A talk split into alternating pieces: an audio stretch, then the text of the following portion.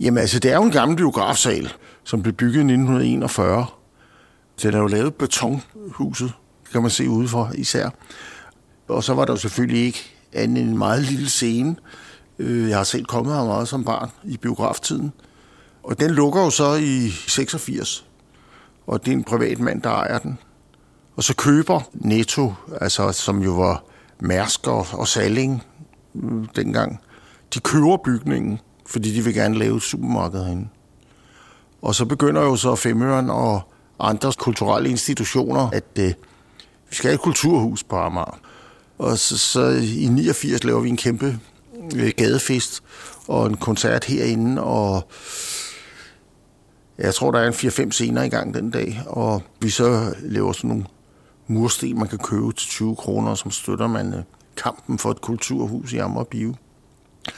Det gav simpelthen så stort en respons hos de lokale politikere, så det endte med, at kommunen nedlagde paragraf 28b, eller hvad det hed dengang, som øh, gjorde, at det stedet fortsat skulle bruges til kulturelle formål. Øh, og det var jo stadigvæk øh, Købmandsforeningen, Salling og Mærsk, der ejede. Jeg tror, vi hørte rygter om, at de ville lave en stor Føtex herinde, eller Bilka måske. Så øh, kunne de jo godt se, at det var op ad bakke. De skulle lave noget kulturelt, og det havde de sikkert ikke så stor interesse i. Og så stiller de bygningen til rådighed for Københavns Kommune til kulturelt formål i 20 år. Så det var jo sådan set en, lidt en sejr for alle øh, kultur- og græsrødderne herude.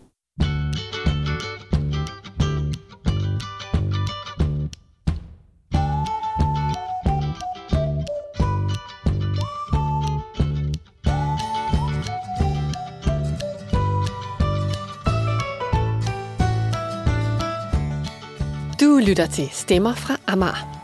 En podcastserie om Danmarks tættest befolkede ø. Om dem, der bor her, og alt det, der vil ske med øen. Dette 15. afsnit handler om musikken på Amager. Den, der er gået i arv i generationer, er blevet skrevet på øen. Måske endda dedikeret til øen med kærlighed. Amager har en helt utrolig spændende musikhistorie, som vi nu skal dykke lidt ned i. Mit navn er Maiken Astrup. Velkommen.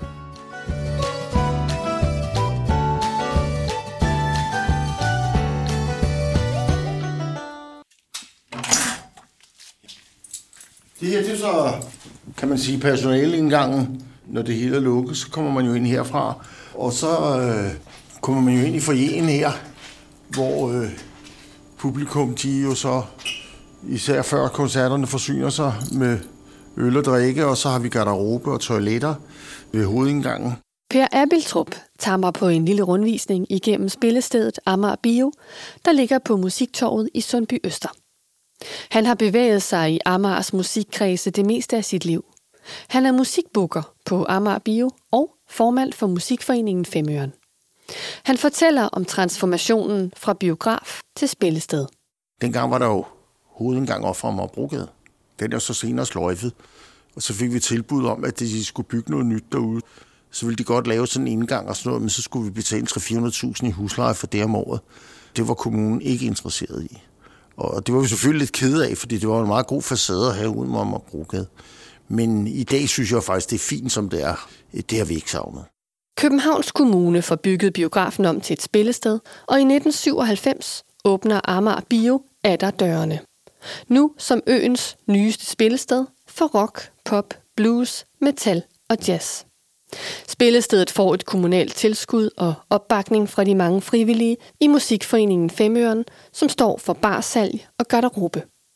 Resten udføres af lønnede medarbejdere. Bioen fejrer 25 års jubilæum i 2022, men det er ikke helt uden hår i suppen.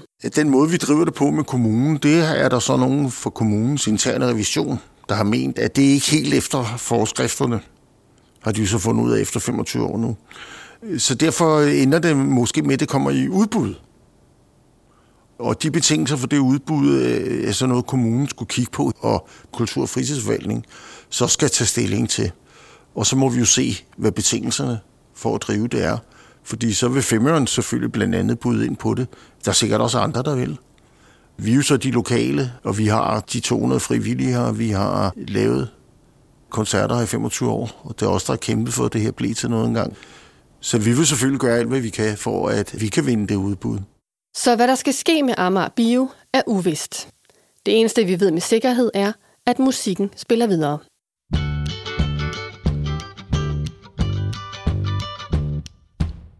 Musik fortæller noget om den tid, den blev komponeret i. Om den måde, man snakkede til hinanden på, hvad man syntes var vigtigt og værdifuldt i livet. Vi skal derfor se nærmere på den musik, der har påvirket os op igennem tiden, og hvad den fortæller om datiden. Noget musik er gamle optagelser, jeg har fundet.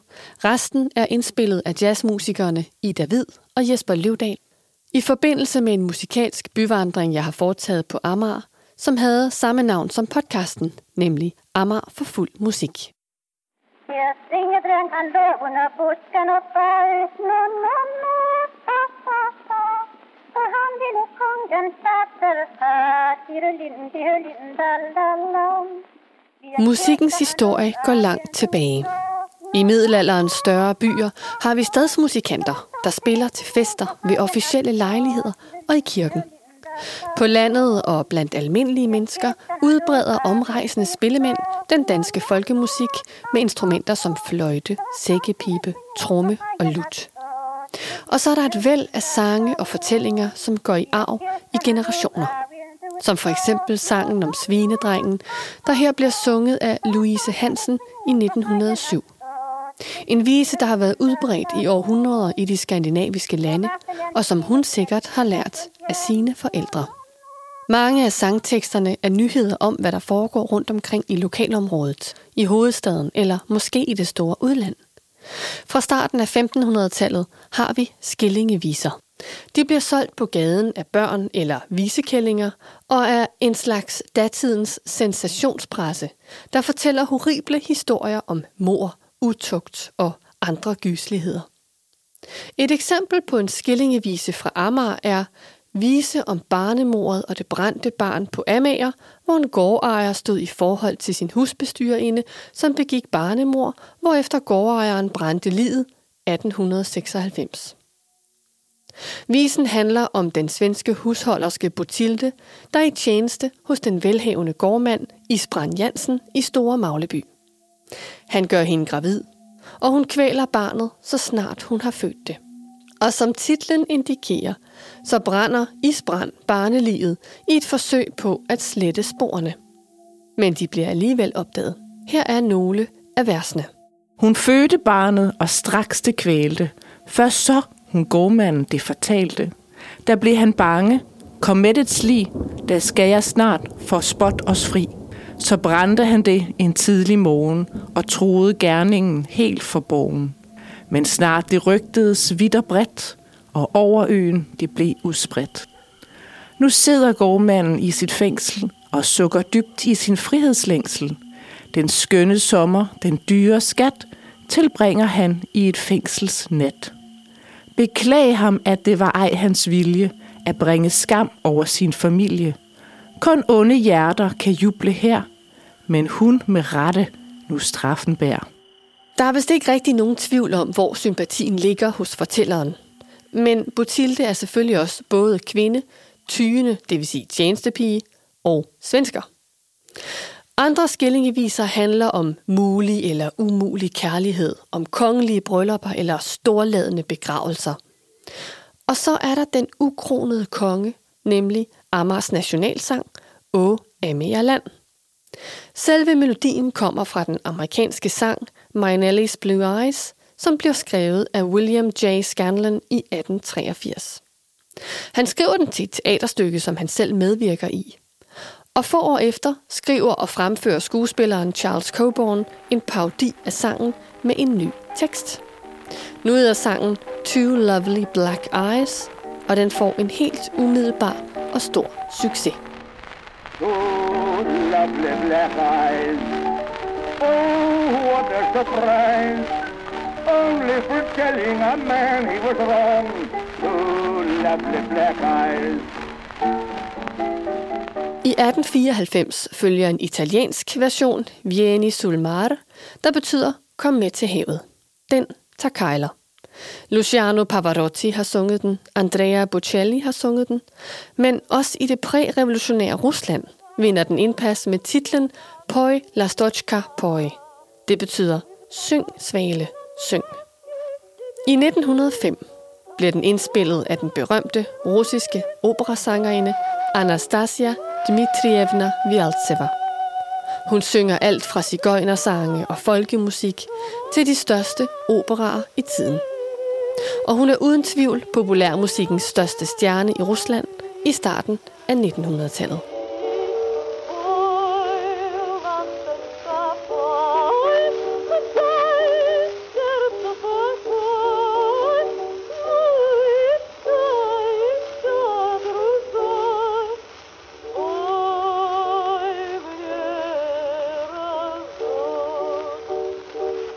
Sangen fortsætter sin vandring hen over kloden.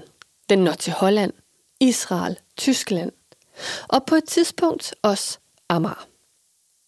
De første vers i Å Amager Land er sandsynligvis skrevet før 1930'erne, da de blandt andet beskriver, hvordan øen forsyner København med grøntsager.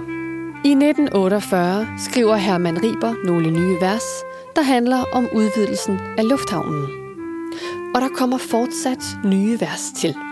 Om Saltholm, om Ørestad, om åbningen af Øresundsbroen. Amagerne synger den stadig ved festlige lejligheder.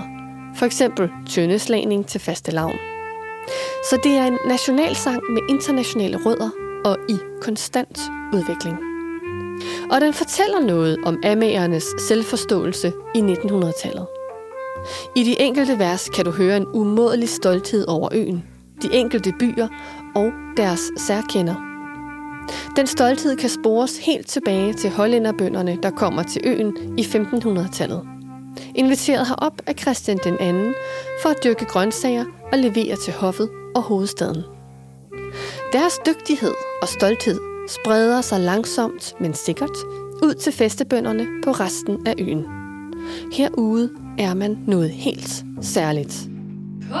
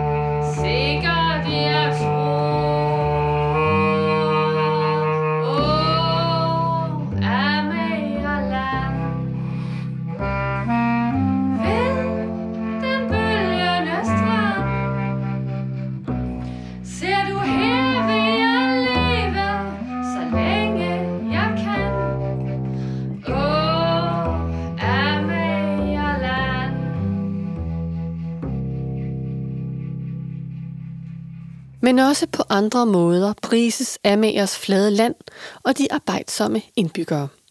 I midten af 1800-tallet bor Johanne Louise Heiberg sammen med sin mand i Søkvæsthuset på Christianshavn.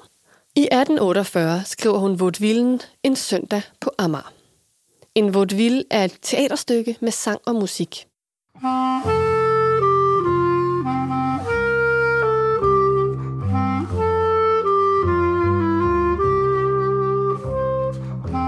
Handlingen foregår primært på det sydlige Amager, omkring Store Magleby og Dragør.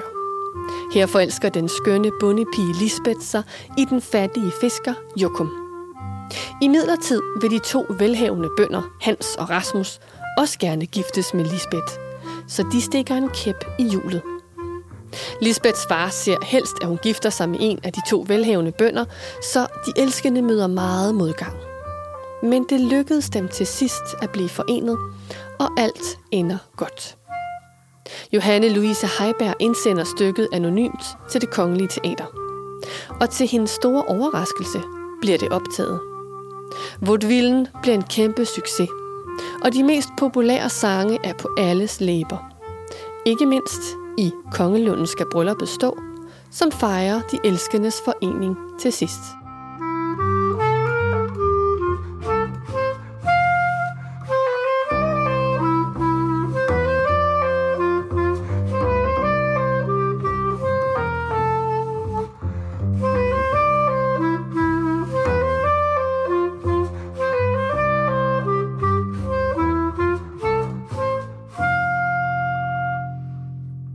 Anne Louise Heiberg vokser op på Nørrebro i den dybeste fattigdom i begyndelsen af 1800-tallet, men bliver i en tidlig alder optaget på det kongelige teaters danseskole.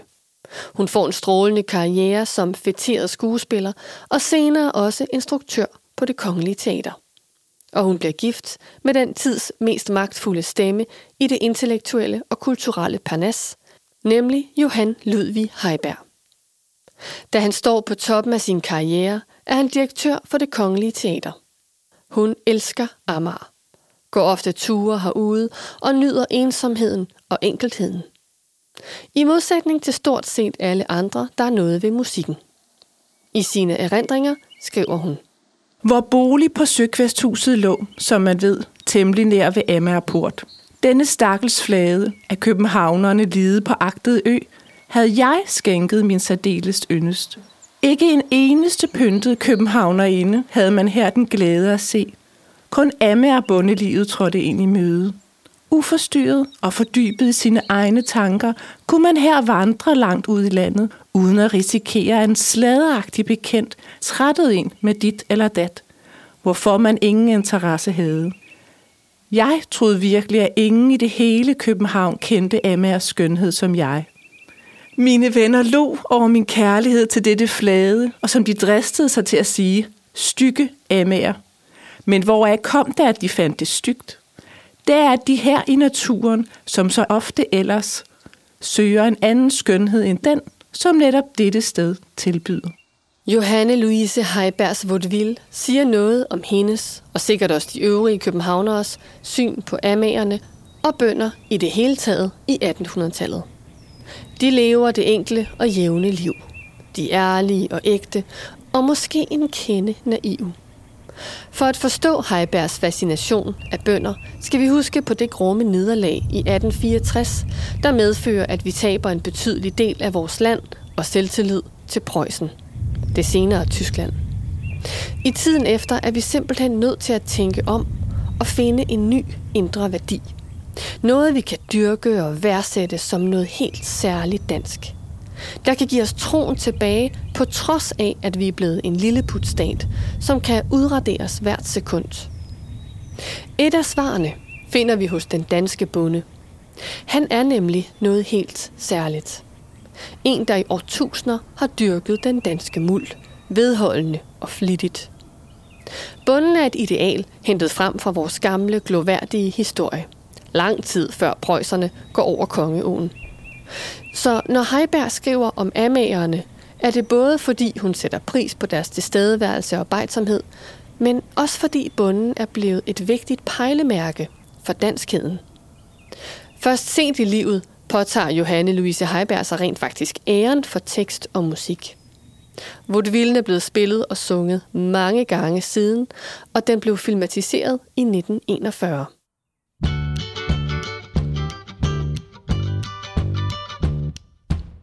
I 1953 har filmen Ved Kongelunden premiere. Her spiller Dirk Passer konduktør, imens Ove Sprogø er vognstyrer i sporvognen linje 8, som kører fra Nørrebro til Christianshavn. Om natten sover de i en udrangeret gammel sporvogn, som står i en kolonihaveforening ved Kongelunden. I den idylliske og velplejede kolonihaveforening sluder beboerne venskabeligt over den nyklippede hæk. Dannebro er til tops, og kaffekopperne står på havebordet. Blandt beboerne finder vi malere, tømrere, tjenere og mekanikere.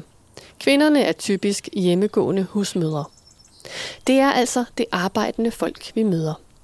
Dem, der op igennem 1900-tallet får et lille kolonihavehus, for eksempel på Amager så de kan dyrke grøntsager og nyde søndagen i det fri, frem for i den lille, beklumrede lejlighed inde i byen.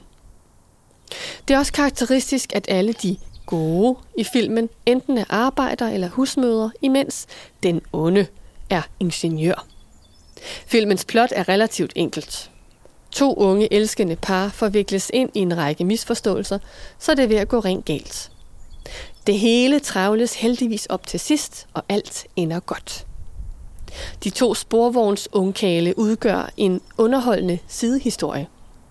I en ikonisk scene synger de sangen Der kommer altid en sporvogn og en pige til. Det er en underfundig og drillende samtale imellem de to unge fyre, der er venner, men samtidig konkurrerer om damernes gunst.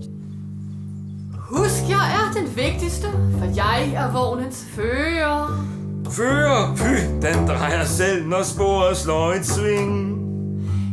Jeg er den, der afgør, når vi stopper og vi kører. Undskyld, gør jeg, for det er mig, der siger ding, så bare ikke hoven. Tak, du er kun en klovn, der aldrig bliver til mere på denne vogn. Og skidt, der kommer altid en sporvogn og en pige til. Langsom vognstyr, den kan du aldrig stige til. Jeg tror, jeg stiger til endnu mere. Det lyder højst interessant til hvad? Til passager, jeg kører med. Filmen er både folkelig og lattermild. Den portrætterer beboerne i kolonihaveforeningen som velmenende og flittige arbejdere, der ikke går vejen for at hjælpe hinanden. Men som også let tirres eller kommer op og skændes. Lidt naive er de måske. Og godmodige. Lidt ligesom Johanne Louise Heibergs portrættering af de lokale. Store dele af filmen er lavet på Sydamager, i Dragør og nær Kongelunden. En del af optagelserne er lavet i kolonihaveforeningen Søvang, som i filmen bliver kaldt Søfryd. At alle optagelser ikke foretages der, handler om den evigt tilbagevendende larm fra Kastrup Lufthavns flyvemaskiner. Derfor får filmselskabet bygget seks kolonihavehuse nær deres studier i Gentofte. Her optages de længere sekvenser i filmen. Ikke desto mindre kan man genkende mange Amager-lokationer. Det bliver nej. Siger Eva nej, springer Dagny og Sofie til, så kører vognen Espresso af Himmerie til. Der kommer altid en pige, En sporvogn. en pige, en sporvogn, en pige til. Nu bevæger vi os lidt tilbage i tiden igen. Til 1930'ernes Amager med lejende børn i baggårdene, skærslibere, der væsser husmødrenes køkkenknive, og arbejdere, der hver dag tager ind på fabrikken, imens de ser frem til søndagen i kolonihaven. Kvarteret omkring Holmbladsgade er ingen undtagelse. Her vokser John Mogensen op sammen med sin mor og stedfar. Allerede i de tidlige skoleår indser man på Øresundsvejens skole, at han kan synge. Så han kommer på Hintesgades sangskole som 10-årig. Og da klaverspil er obligatorisk på sangskolen, køber hans morfar et klaver til familiens lejlighed i Holmbladsgade. Her sidder han minimum en time hver dag og øver sig. Som 16-årig går han ud af skolen for at få sig et arbejde. Han er elevatorfører, fabriksarbejder, købmandsbud og garder. Han graver tørv, arbejder på en gård, på et autoværksted og som reklametegner. Han renser filmspoler i giftige dampe og stikker til søs som messedreng. Men så sker der noget. Som 25-årig får han en plads i den pæne vokalkvartet Blue Boys. De synger blues og jazz, primært engelske sange oversat til dansk. Og de får faktisk pæn succes. Efter en årrække smider de imidlertid John Mogensen ud, fordi han er for ustabil. Han danner i stedet Four Jacks sammen med blandt andet Otto Brandenburg. Det er en barbershop-kvartet, som synger pop, rock, jazz og western. Gruppen får kæmpe succes med deres sjove og skøre optrædener både ude i landet og i radioen. I starten af 60'erne flytter John Mogensen med sin kone Ruth og deres lille datter Mina til Jægervej 75 i Dragør. Få år efter går Four Jacks i opløsning. John Mogensen forsøger at starte sin egen karriere, men han har svært ved at få enderne til at mødes. Han begynder at tage klaverbokserjobs både i og uden for Danmark. På hoteller, bar, værtshuse og for eksempel Oslobåden. Han begynder at drikke allerede inden han skal på scenen, fordi han er så nervøs. Og nok også fordi han savner sin familie. Efter et spillejob ender han tit i baren. Og der er mange nætter, hvor han slet ikke kommer hjem. Og der er aftener, hvor han næsten er for beruset til at kunne spille. I 1971 vender rigtig meget. Han udkommer med den politiske protestsang Der er noget galt i Danmark, som flux ryger på hitlisten. Herefter går det stærkt. Han spiller i omrejsende tivolier til byfester, dansk topshows, i sportshaller, i forsamlingshuse og på kroer i hele landet. Succesen er total. Mogensen synger om sine egne oplevelser og holdninger til tingene. Om den lille mand og kvinde på gulvet, der har svært ved at klare sig i den moderne verden, der bulrer afsted. Om dem, der prøver at finde vej i et kaos af arbejdsløshed, økonomisk derut, politiske konflikter og generel opgivelse. Han rammer en nerve hos mange. En følelse, man ikke kan ryste af sig af at være til overs. Efterladt. Han synger hudløst ærligt om sin egen ensomhed, om nedværdigelse og det hårde liv. For eksempel om at falde i på et værtshus. Sid på et værtshus Nær ved gammel strand Brugt af hver en skilling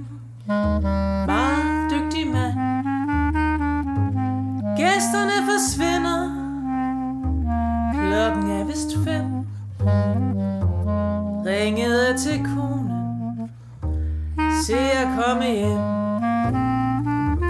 Hjem til skideballen Hvor her bevares. Han har været borte et døgn. Hvorfor blev man væk, tja? Det skal jo forklares. Men hun tror jo nok, det er løgn. Man vil bare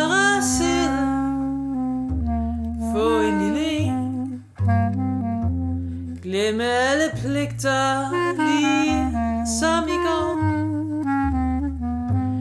Endelig blev det lørdag Man kunne slappe af Det er hårdt at være på toppen for John Monsen. Nervøsiteten og alkoholen bliver tro følgesvende til de mange koncerter, han afholder. Der er et konstant pres om, at han skal levere nye sange, og han har høje krav til sig selv. En forårsdag i 1977 falder han om på færgegården i Dragør. Medarbejdere kører ham hjem til Rut, hvor han dør få timer senere af en blodprop i hjertet. Det hele sker få uger, før han fylder 49 år.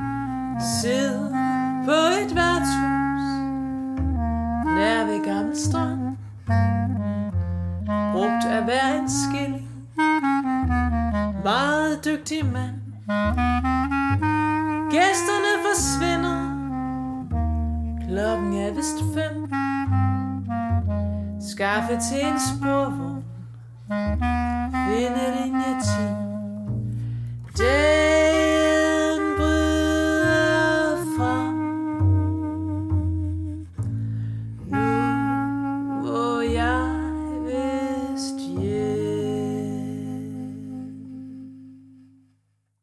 Blot 10 år efter John Mogensen bliver født, kommer en lille pige til verden nær Brede Grund.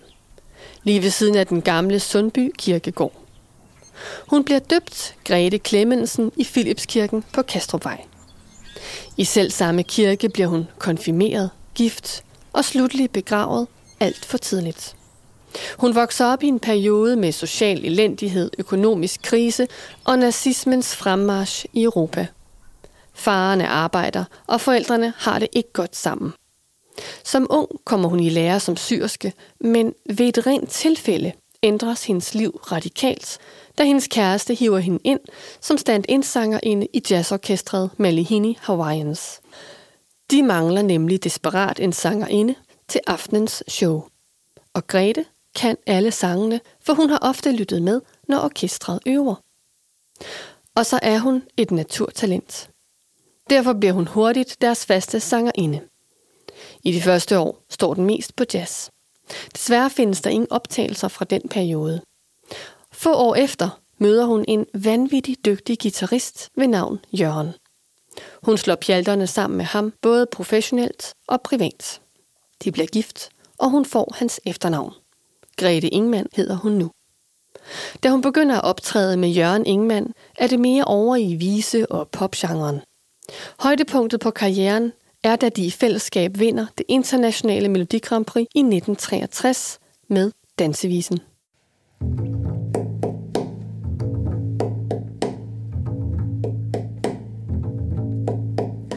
Et solstrejf i en vandpyt. Et lille kindkys af en vind. Og sivet, der nynner, at livet begynder sit spænd I dit sind. Et sølvfløjt fra en trætop En svag fat lyd af en kat en rislen i bækken, en vislen i hækken, der siger, at det ikke mere er nat. Du kvar ligger engen, jomfru daggry går til ro. Dagen står puk, kort ud af sengen, og går over solens bro. Og os to, hvad med os to? Ja, hvad med os to? Dig og mig. Ja, dig Grete og Jørgen indspiller et væld af plader inden for pop- og visegenren. De bliver spillet i radioen, interviewet i aviser og ugeblade og medvirker i et hav af tv-programmer. Men med skilsmissen i 1975 går det støt og roligt ned ad bakke med karrieren. Især Grete Ingemann bliver trukket igennem mediemøllen som følge af skilsmissen, hvilket må have tæret hårdt på hende. Interessen for hendes sang falder stødt. I pressen bliver hun kaldt en primadonna med stjernenykker. Nervøsiteten tager til, når hun skal på scenen, og den bliver dulmet med alkohol. Der kommer færre jobs, og hun bliver mere og mere modløs. Hun glemmer teksterne, når hun optræder, og så bliver hun endnu mere nervøs og endnu mere usammenhængende. Hun er godt selv klar over, at hun har tæret på sin krop i mange år, og alkoholen hjælper ikke. I det sidste år er hun syg og svækket, men forsøger stadig på forskellig vis at få gang i karrieren igen. Hun fortsætter sit høje alkoholforbrug og dør i en alder af 52 af leverkræft. Hun ender på de ukendte gravsted på Sundby Kirkegård, for som præsten siger til bisættelsen, vil hun ikke være til besvær, når hun ikke længere er her. os to? Hvad med os to? Ja, hvad med os to? Dig og mig. Jeg danser, danser og sanser og sanser kun dig. Hvorfor løb du dog din vej?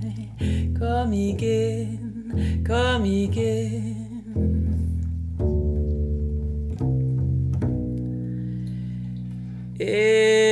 En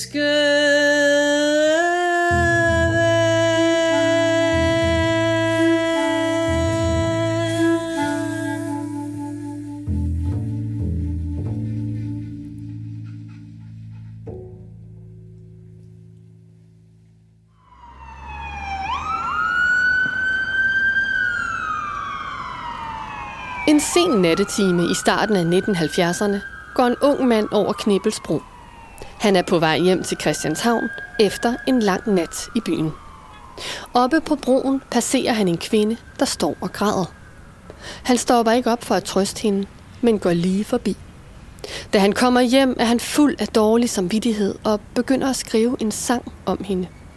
Og om de andre ting, han har oplevet i byen. Han bruger en traditionel italiensk folkemelodi fra 1600-tallet og skriver teksten på dansk. Men en ting kan han ikke få til at passe. Knibbelsbro er et svært ord at synge, så han flytter scenen hen til Langebro i stedet og opkalder sangen derefter. Den unge mand hedder Kim Larsen. Han indspiller sangen sammen med sit band Gasolin på deres første plade, og som deres første dansksprogede sang. Da jeg gik ud over Langebro en tidlig mandag morgen Der så jeg en, der stod og græd Hvis du tør så kom med mig. Teksten er både mistrøstig og opmuntrende, opgivende og undrende. Larsen synger om folk, der drikker sig ihjel, om den gryende kvindefrigørelse og om religiøs vækkelse. Det hele foregår i en periode, der er mærket af stigende arbejdsløshed, oliekrise, miljøkrise og en hovedstad, der bliver mere og mere nedslidt. Hvis du tør, så kom med mig.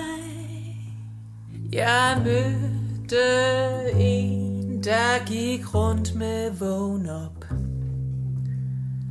Hun var Jehovas vidne. Hun råbte, jorden går under i dag. Hvis du tør, så kom med mig. Jeg så en kvinde, der løb efter sin. Hun havde så skønne øjne. Hun råbte, hey, du har stjålet mit liv. Ja, hvis du tør, så kom med mig. Ja, hvis du tør, så kom med mig. Kim Larsen er oprindeligt uddannet lærer. Som nyuddannet når han lige at arbejde et par måneder på Gerbrandskolen nær Sundby Vesterplads, inden gasolin og rockmusikken hiver ham videre. Han bevæger sig en del på Amager og især Christianshavn, hvor gasolin får øvelokale. Og så er han en del af et musikmiljø, der vokser frem på øen igennem anden halvdel af 1900-tallet. Det har jeg taget en snak med Per Abiltrup om. Der var ikke særlig mange musiksteder. Det var jo sådan noget, der kom i ungdomsklubberne og til skoleballerne, og der var jo ikke rigtig nogen musikrestriktioner, eller, eller spillesteder, eller koncertsale, eller... Men der var jo en, en masse folk, især vel først i 60'erne, da Petrusbølgen startede, rigtig mange, der begyndte at spille selv og fik købt sig en, en eller anden guitar, og det kom der jo så rigtig mange Amager-bands ud af. Så er den første rocksanger jo Ibe Rock Jensen fra Kastrup jo fra 56 jo, som var typograf, tror jeg. Han var jo den første, der brød igennem med, kan vi sige, rockmusik. Da rockmusikken kommer frem i Danmark, er det hele ret håndholdt og selvlært. Alle kan være med, hvis de ellers kan finde et øvelokale og et sted at spille koncerter. Så kom jo selvfølgelig Christiania og alle ungdomsklubberne, især Poppuk og senere Klub 47 jo, som den store bannerfører på musikken og med øverum til bandsene. Som var et af de første steder, der havde det, tror jeg, i nærmest hele landet. Det var så et miljø øh, med rigtig mange bands, der kom dernede og spillede dernede, og det var jo altså alt for øh, Fred Fub, øh, der var Barbarella og senere Rockers by Choice. Der var rigtig mange, der var tilknyttet i den der klub. Senere også No Name Requested med Natasha og Karen Mokube. Så der var et miljø, der kørte dernede i rigtig mange år. Klub 47 starter som politiets ungdomsklub i 1952, også kaldet PUK. Det er et samlingssted for unge med mere eller mindre udtalte problemer. Medarbejderne i PUK er en blanding af politifolk, psykologer og pædagoger. De er ansat i deres fritid til at støtte udsatte unge, give dem gode oplevelser og hjælpe dem på vej ind i et godt ungdomsliv. Og det har de virkelig brug for. Der var mange, der var begyndt at ryge has og tage stærkere stoffer og alt muligt. Og det blev så lidt et problem. Og så forskellene det lidt ud for de yngste. Så startede de så øh, Klub 47 der i 69, som kom så ind i en bygning ved siden af der, hvor Pop Puk lå, som så fortsatte som sådan en mere øh, ungdomsklub øh, fra 14 til 18 år, tror jeg. Og så det andet var sådan for de lidt måske ældre. Fordi der var jo massive problemer med det dengang. Også andre steder end på Amager, det er helt sikkert. Det var jo en del af hippiebevægelsen, at folk de tog øh, LSD og øh, speed og has og alt muligt i, i store mængder, hvis jeg skulle sige det. Som desværre jo også var en del, der gik til omkom simpelthen øh, overdosis og hvad, hvad der skete desværre. Så på den måde var det jo så øh, social engagement, som var en del af Klub 47's virke. Og med alle de der øh, læger og socialrådgivere og øh, afvendingskonsulenter, hvad pokker det var. Det fik lidt mere fokus i inde i Klub 47, end det havde haft i PUK. Klub 47 er en ungdomsklub med øvelokaler til de musikløsne unge og tilbud om afvendingsophold til misbrugere. I en periode har Kim Larsen sågar sin faste gang i Klub 47 som pædagogmedhjælper. Der opstår et levende musikmiljø med torsdagskoncerter, hvor alverdens rockmusikere kommer forbi og spiller.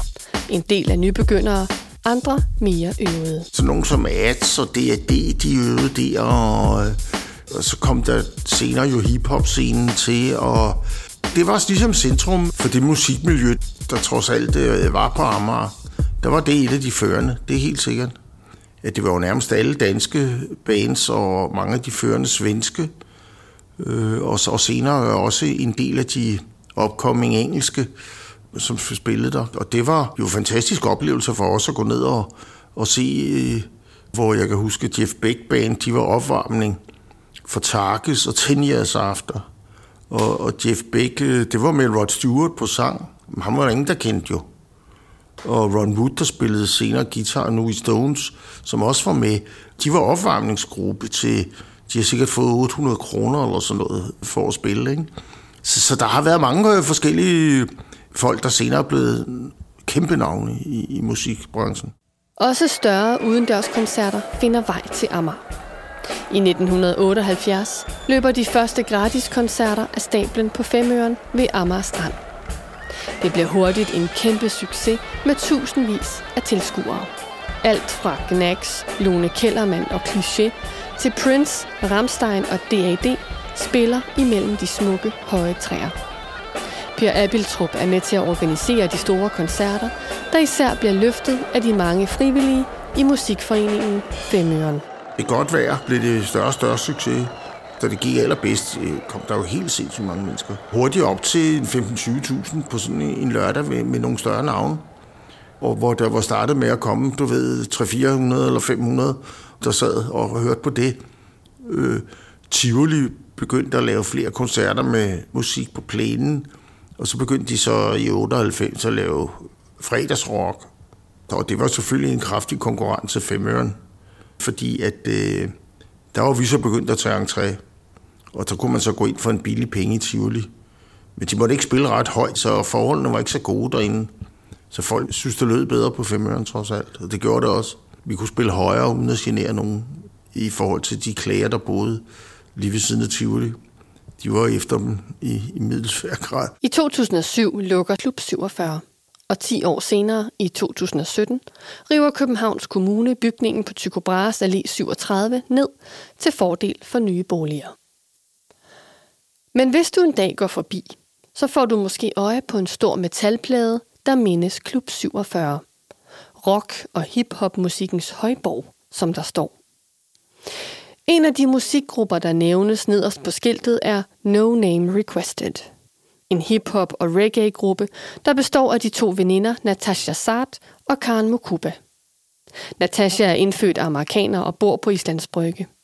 Hun begynder meget tidligt at interessere sig for musik og reggae i særdeleshed. Hey Danmark, hvad sker der for dig?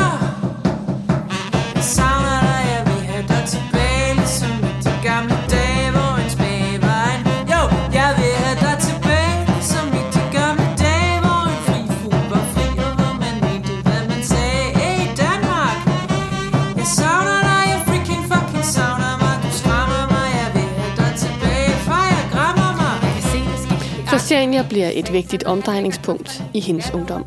Både det lidt alternative miljø og det afslappede forhold til hash tiltrækker hende. Som 14-årig begynder hun og Karen at øve i Klub 47's lokaler. En af klubbens medarbejdere, Turbo Nils, hjælper dem i gang med at få spillejobs. Efter nogle år på Klub 47 får bandet deres første pladekontrakt og stopper med at øve i klubben. I sommeren 2007 er Natasha på Jamaica for at holde ferie og synge. Hun er på tærsklen af et internationalt gennembrud. En sen nattetime er hun, Karen Mokuba og to andre på vej hjem fra en koncert, da de kører galt, og Natasha dør. Der udbryder på det nærmeste landesorg i Danmark. Og kort tid efter udkommer hendes nye plade I Danmark er jeg født. Den får stor ros og en række priser. Et af numrene på pladen hedder Giv mig Danmark tilbage. Det er snak, det er snik, det er tom retorik, det er ikke politik, det er pisse polemik.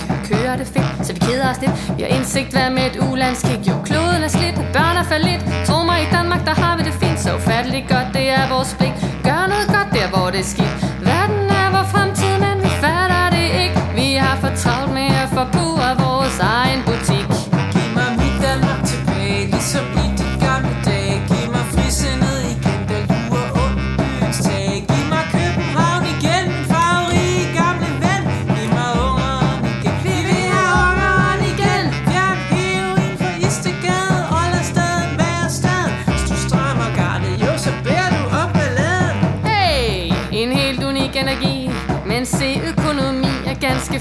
For empati. Har ingen plige, ex-hippier, skabsryger, der vælger at ti. Kom nu i gang, jeg har noget, I skal sige. Rød vin og piller, hele fucking landet chiller. Ungdommen bliver vildere. Flere og flere sniffer, sniffer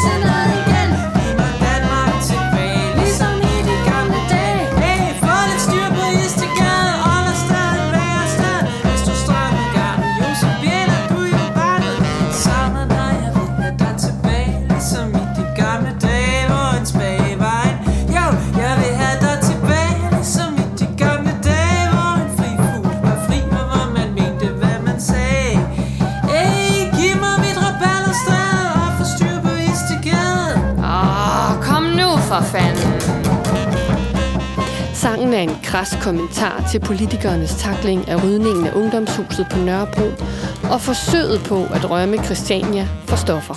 Det bliver en slagsang for de mange unge, der ønsker sig et nyt ungdomshus, og den hitter på diskoteker såvel som børneværelser.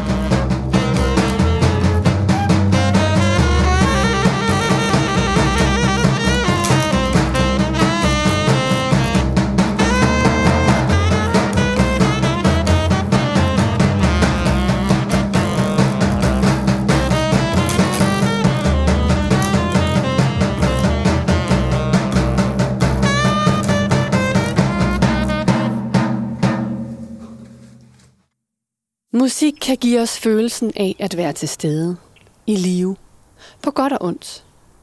Og musik inspirerer på kryds og tværs af landegrænser.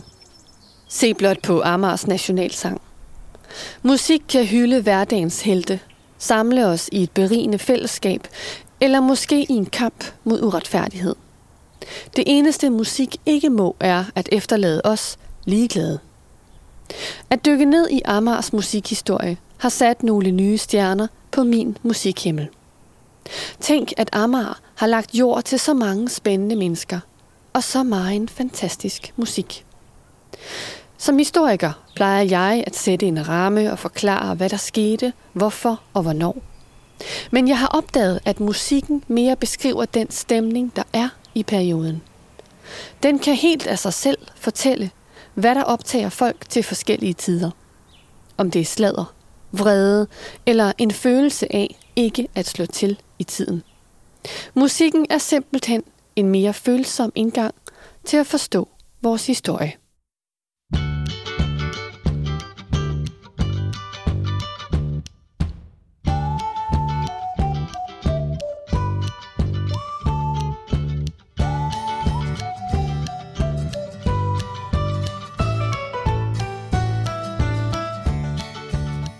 Jeg håber, du har nydt historien. Undervejs har du hørt en række jazzfortolkninger, som oprindeligt blev brugt i forbindelse med en musikalsk byvandring. Det drejer sig om sangene Å Amager Land med musik af William J. Scanlon. I Kongelunden skal bryllup bestå, som er skrevet af Johanne Louise Heiberg. Der kommer altid en sporvogn og en pige til, som er skrevet af poeten med musik af Svend Gyldmark. Sidder på et værtshus, som er skrevet af John Mogensen. Dansevisen af Otto Franker og Sejr Volmer Sørensen. Lange Bro, som er en italiensk folkemelodi med tekst af Kim Larsen. Og Giv mig Danmark tilbage, som er skrevet af B. Barry Hill, Jay Fuller, Natasha Sart, Pat Connolly og R. Wilson. Disse sange er på smukkeste vis fortolket af Jesper Løvdal på blandt andet saxofon, klarinet, tromme og vokal, imens Ida Hvid synger og spiller på kontrabas. Jeg selv synger også med et par steder. Folkevisen Svinedrengen blev sunget af Louise Hansen og optaget af folkemindesamleren Evald Tang Christensen i 1907. Den kan du finde i Dansk Folkemindesamling på det Kongelige Bibliotek. Charles Coburns udgave af Two Lovely Black Eyes og den russiske udgave Poi Lastochka Poi med Anastasia Dmitrievna Vialtseva fik jeg via hjemmesiden Jupes Musical Flowers. Citaterne er indlæst af Mette Sofie Skærlund. Programmet er optaget og klippet sammen af mig, Maiken Astrup. Mastering-tekniker er David Runø fra Branch Out Sounds. Foto til afsnittet er taget af Rikke Bianca Colburn. De lyde, jeg ikke selv har optaget, kommer fra freesound.org. Stemmer fra Amager har også en Facebook-side og en hjemmeside. Her kan du finde de tidligere afsnit og se de mange spændende steder, fotografen Rikke Colburn har indfanget med sit kamera. Og så har dette afsnit fået støtte af Amager Øst Lokaludvalg, Amager Vest Lokaludvalg og Områdefornyelsen Sundby. Det næste afsnit ser nærmere på Saltholm, den lille flade ø lige ud for Amagers kyst, hvor der i fortællende stund bor to indbyggere. Saltholms historie er vild og spændende, og så er den nært forbundet med Amager. På genhør.